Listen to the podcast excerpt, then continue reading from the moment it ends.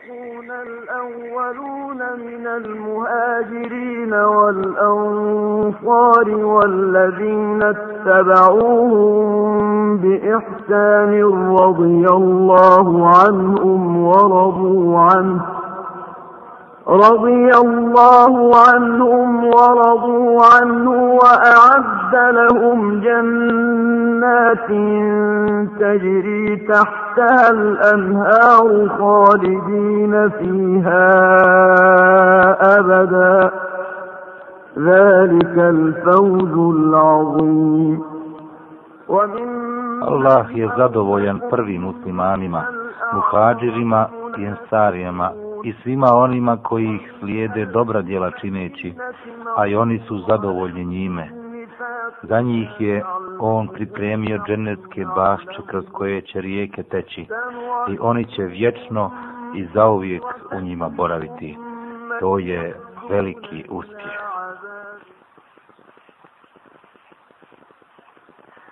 Ako želiš, možeš biti od muhađira. Ako želiš, budi od ensarija. Dakle, izaberi što ti je draže od toga. S ovim riječima razgovarao je vjerovjesnik sallallahu alaihi wa sallam sa Huzeifom ibnul Jemanom kada ga je prvi put susreo u Mekki. A za taj izbor Huzeif ibnul Jeman kojoj od častnih i dragih skupina muslimana da pristupi, postoji priča. Jeman, otac Huzeifin, je Mekelija iz plemena Benu Aps, ali on ubio nekog čovjeka od svog naroda pa je bio prisiljen na selidbu iz Mekke u Jestribu. Tamo posta štićenik plemena Abdul Eshel, od njih se i oženi, pa mu se rodi sin Huzeife. Iza toga su se produžile zapreke koje su ga spriječavale da ode u Meku, te je on često putovao između nje i Jesriba, ali je većinom ipak boravio u Medini. Kada je Islam svojim svjetlom obaseo arapsko poluostrovo, Jeman, otac Huzeifin, bijaše jedan od desetorice pripadnika plemena Benu Abs, koji dođoše Božijem poslaniku, salallahu alaihi wasallam, i obznaniše pred njim svoj prelazak na islam, a to je bilo prije Hidžre u Medinu. Zbog svega ovoga može se reći da je Huzefe bio Mekelija po porijeklu, iako je odrastao u Medini. Huzefe ibn Uljeman odrastao u muslimanskoj porodici i bio odgajan pod nadzorom roditelja koji među prvim prihvatiše Allahovu vjeru. Tako i on posta musliman prije nego što je vidio svojim očima Božijeg poslanika, sallallahu alaihi ve sellem, žudnja Huzeife da susretne Božijeg poslanika ispunila sva njegova čula. Otkako je postao musliman, stalno je osluškivao vijesti o njemu, raspitivao se o njegovom izgledu, što je još više pojačalo čežnju i želju za susret s njim. Jedan put otputovao Meku da ga vidi i samo što se susrete s njim, upita ga. Jesam li ja muhađir ili sam ensarija, o Allahov poslaniče? On mu odgovori. Ako hoćeš, budi muhađir. Ako hoćeš, budi ensarija. Ti sam izaberi šta više želiš. Na to on reče, ja sam Ensarija, Allahov poslanik. Kada je Allahov poslanik, sallallahu alaihi ve sellem, učinio hijđu u Medinu, Huzeife je od tada stalno bio uz njega i kao što je oko stalno uz drugo oko. S njim je učestvovao u svim bitkama, osim bitke na Bedru. Za taj njegov izostanak sa Bedra vezuje se ova priča koju on lično ovako kazuje. Od učešća na bedru spriječilo me to da sam ja sa svojim ocem bio van Medine. Korejševički nevjernici nas uhvatiše i upitaše gdje ste se uputili. Mi reko smo Medinu, Oni rekoše, vi hoćete da se pridružite Muhammedu. Mi reko smo, želimo da odemo samo u Medinu. Oni odbiše da nas puste, a uradiše to tek nakon što su od nas uzeli zavjet i obećanje da nećemo pomoći Muhammedu i da se nećemo boriti na njegovoj strani. Tek nakon našeg obećanja nas spustiše. Kada stigo smo u Medinu, obavijesti smo Božeg poslanika o zavjetu koje dade smo Korešijama i upita smo ga šta da radimo. Ale ih selam reče, ispunit ćemo zavjete koje smo im dali, a Allaha molimo da nas pomogne protiv njih. Kada dođe bitka na Uhudu, u njoj učestvovaše i Huzefe i njegov otac Jeman. Huzefe pokaza veliko junaštvo i dade velike zasluge za pobjedu, a iz bitke se vrati živ i zdrav. Njegov otac, međutim, poginu kao šehid, s tim što njegova pogibija bi od strane muslimanskih sablji, a ne mušričkih. I taj slučaj ćemo vam prepričati. Kada započe bitka na Uhudu, Allahu poslanik postavi Jemana i Sabita ibn Vakša u zaklone gdje su bila djeca i žene, jer njih dvojica bijahu veoma već stari ljudi u dubokim godinama života. Kada se bitka najviše razbuktala, Jeman reče svom drugu, Oca nemamo, pa šta mi čekamo? Tako mi Allaha nijednom od nas nije preostalo života nikoliko treba magarcu da ožedni. A to je izraz kojim se označava veoma kratak vremenski period. Pa svejedno je hoćemo li umrijeti danas ili sutra. Zašto ne uzmemo naše stablje pa se priključimo vjerovjesniku pa možda nas Allah počasti šehadetom, to jest pogibijom na njegovom putu. Njih dvojica uzeše onda sablje i uđeše među onu gužu u samo poprište bitke. Sabita ibn Vakša, Allah počasti šehadetom i on poginu od ruku muštrika. Za Jemanom, ocem Huzeifinim, se sjuriše sablje muslimana koji ga ne prepoznaše. Huzeife koji je sve to primijeti očajno povika. To je moj otac, ali ga uopšte netežo niko nije čuo.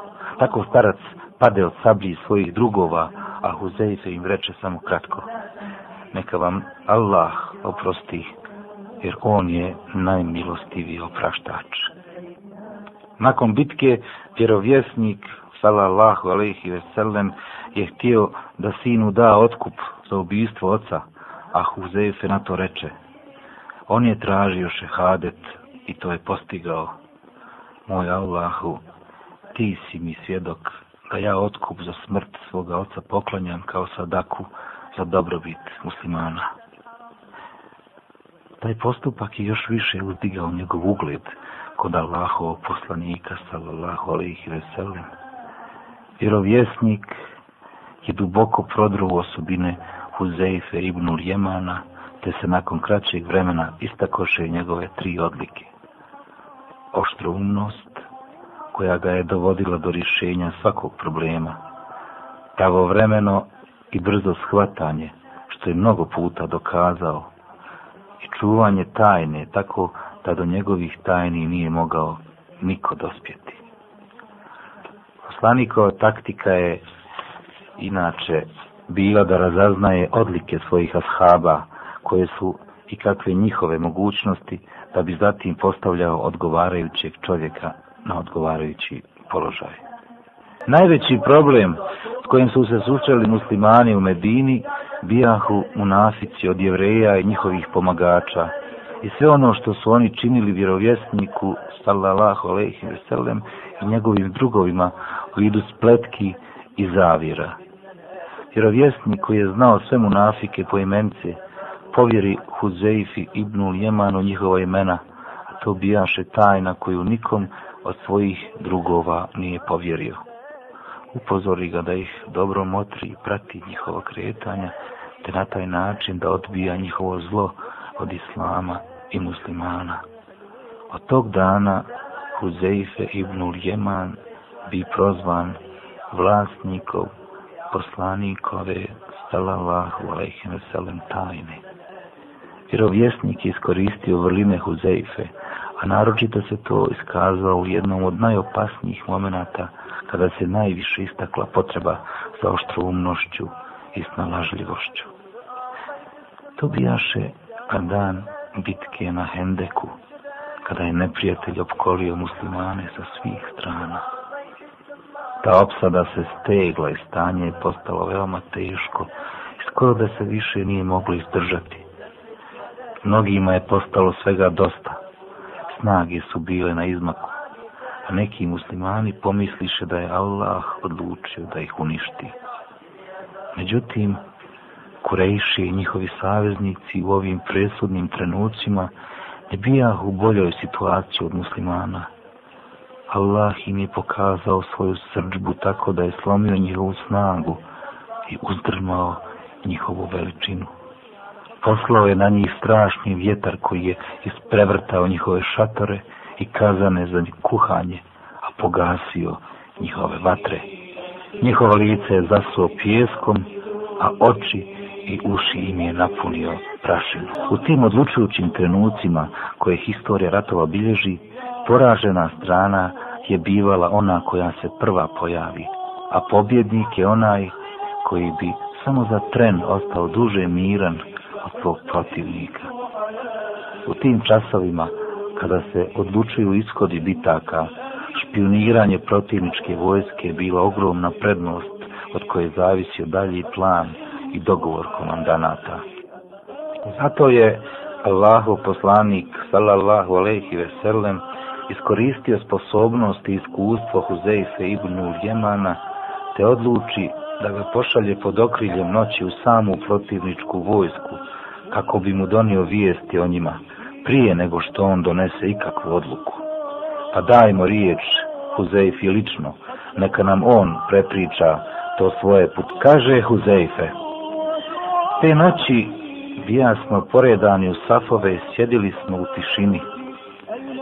Ebu Sufjan sa ostalim mušricima iz Meke bijaše iznad nas, a jevreji Beno Kurej zabijahu niže nas, tako da smo se plašili za svoje žene i djecu.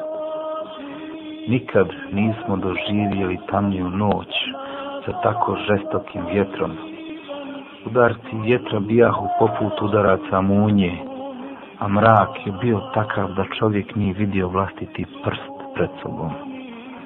Prisutni munafici su tražili dozvolu od Božijeg poslanika, sallallahu alaihi veselem, da ih poštedi bitke, pa bi govorili da su njihove kuće nezaštićene od neprijatelja.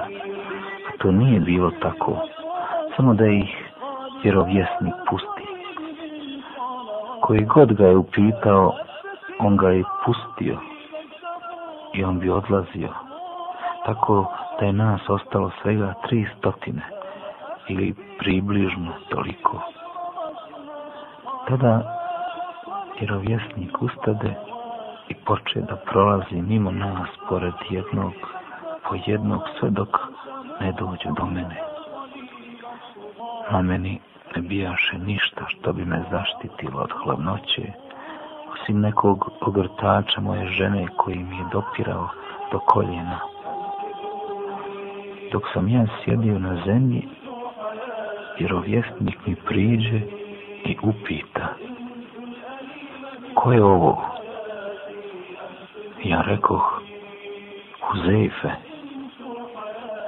On upita jel Huzeife?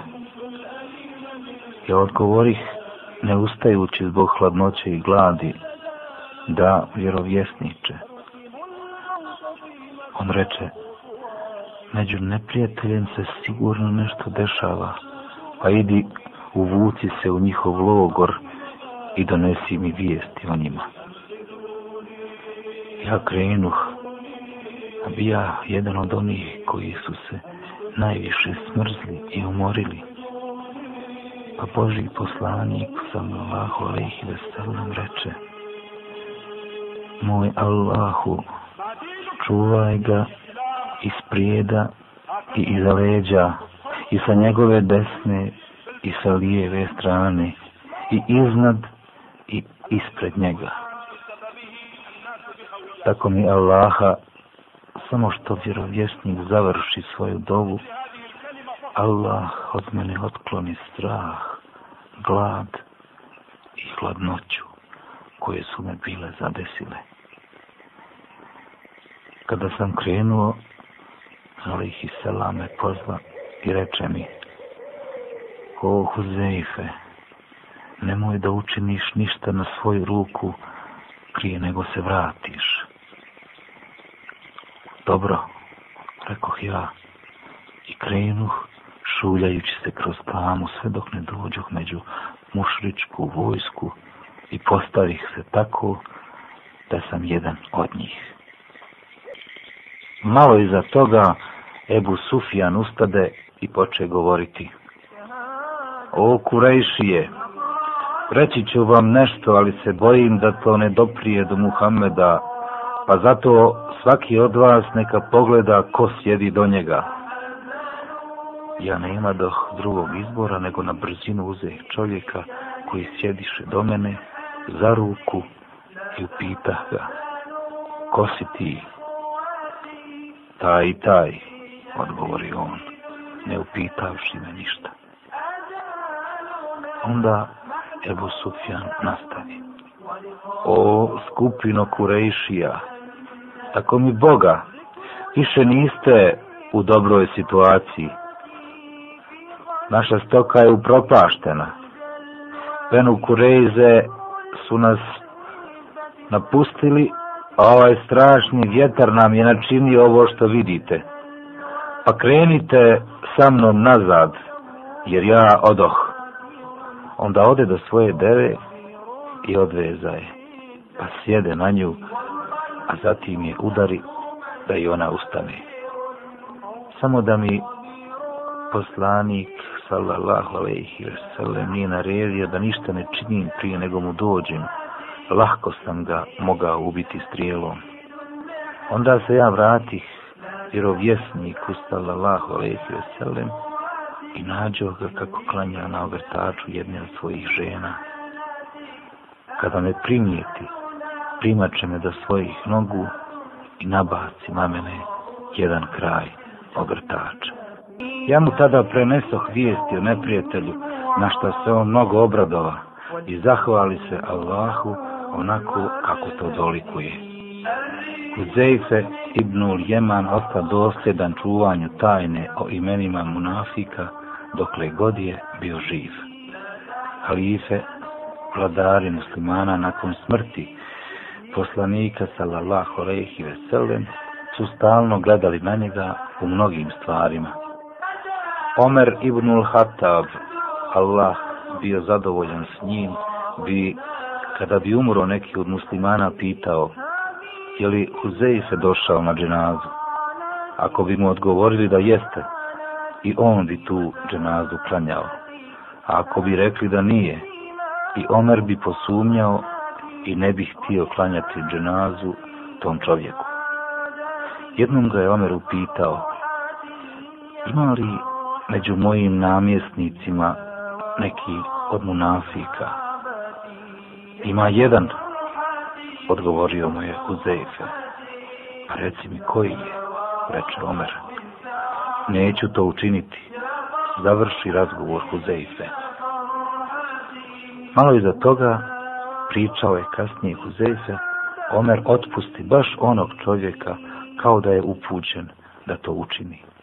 Možda samo mali broj ljudi zna da je Huzeyfe ibnul Jeman sa muslimanima osvojio mnoge perzijske gradove i da je on bio uzrok da se muslimani slože oko jednog mushafa, nakon što su se umalo razišli po pitanju Allahove knjige. I pored svega toga, Huzeife ibnul Jeman bijaše bogobojazan. Stalno je strahovao od Allaha Đelešanuhu, bojeći se njegove kazne na drugom svijetu.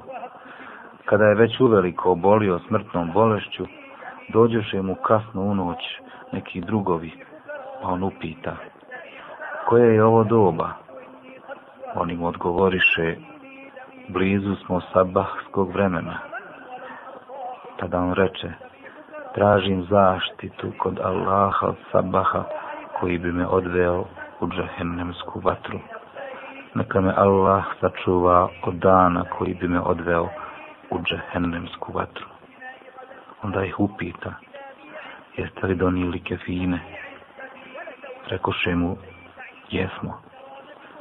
On reče, nemojte me umotavati u skupocjene kefine, jer ako sam kod Allaha zaradio dobro, bit će mi zamijenjeni nečim boljim.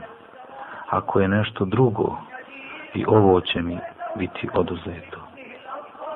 Tada nastavi govoriti, moj Allahu, ti znaš da sam ja više volio siromaštvo od bogatstva. Volio sam skromnost više od veličine, a smrt više od života. I dok je ispuštao dušu, govorio je, ono za čim sam žudio, stiglo je, nema spasa onom ko se nekaje.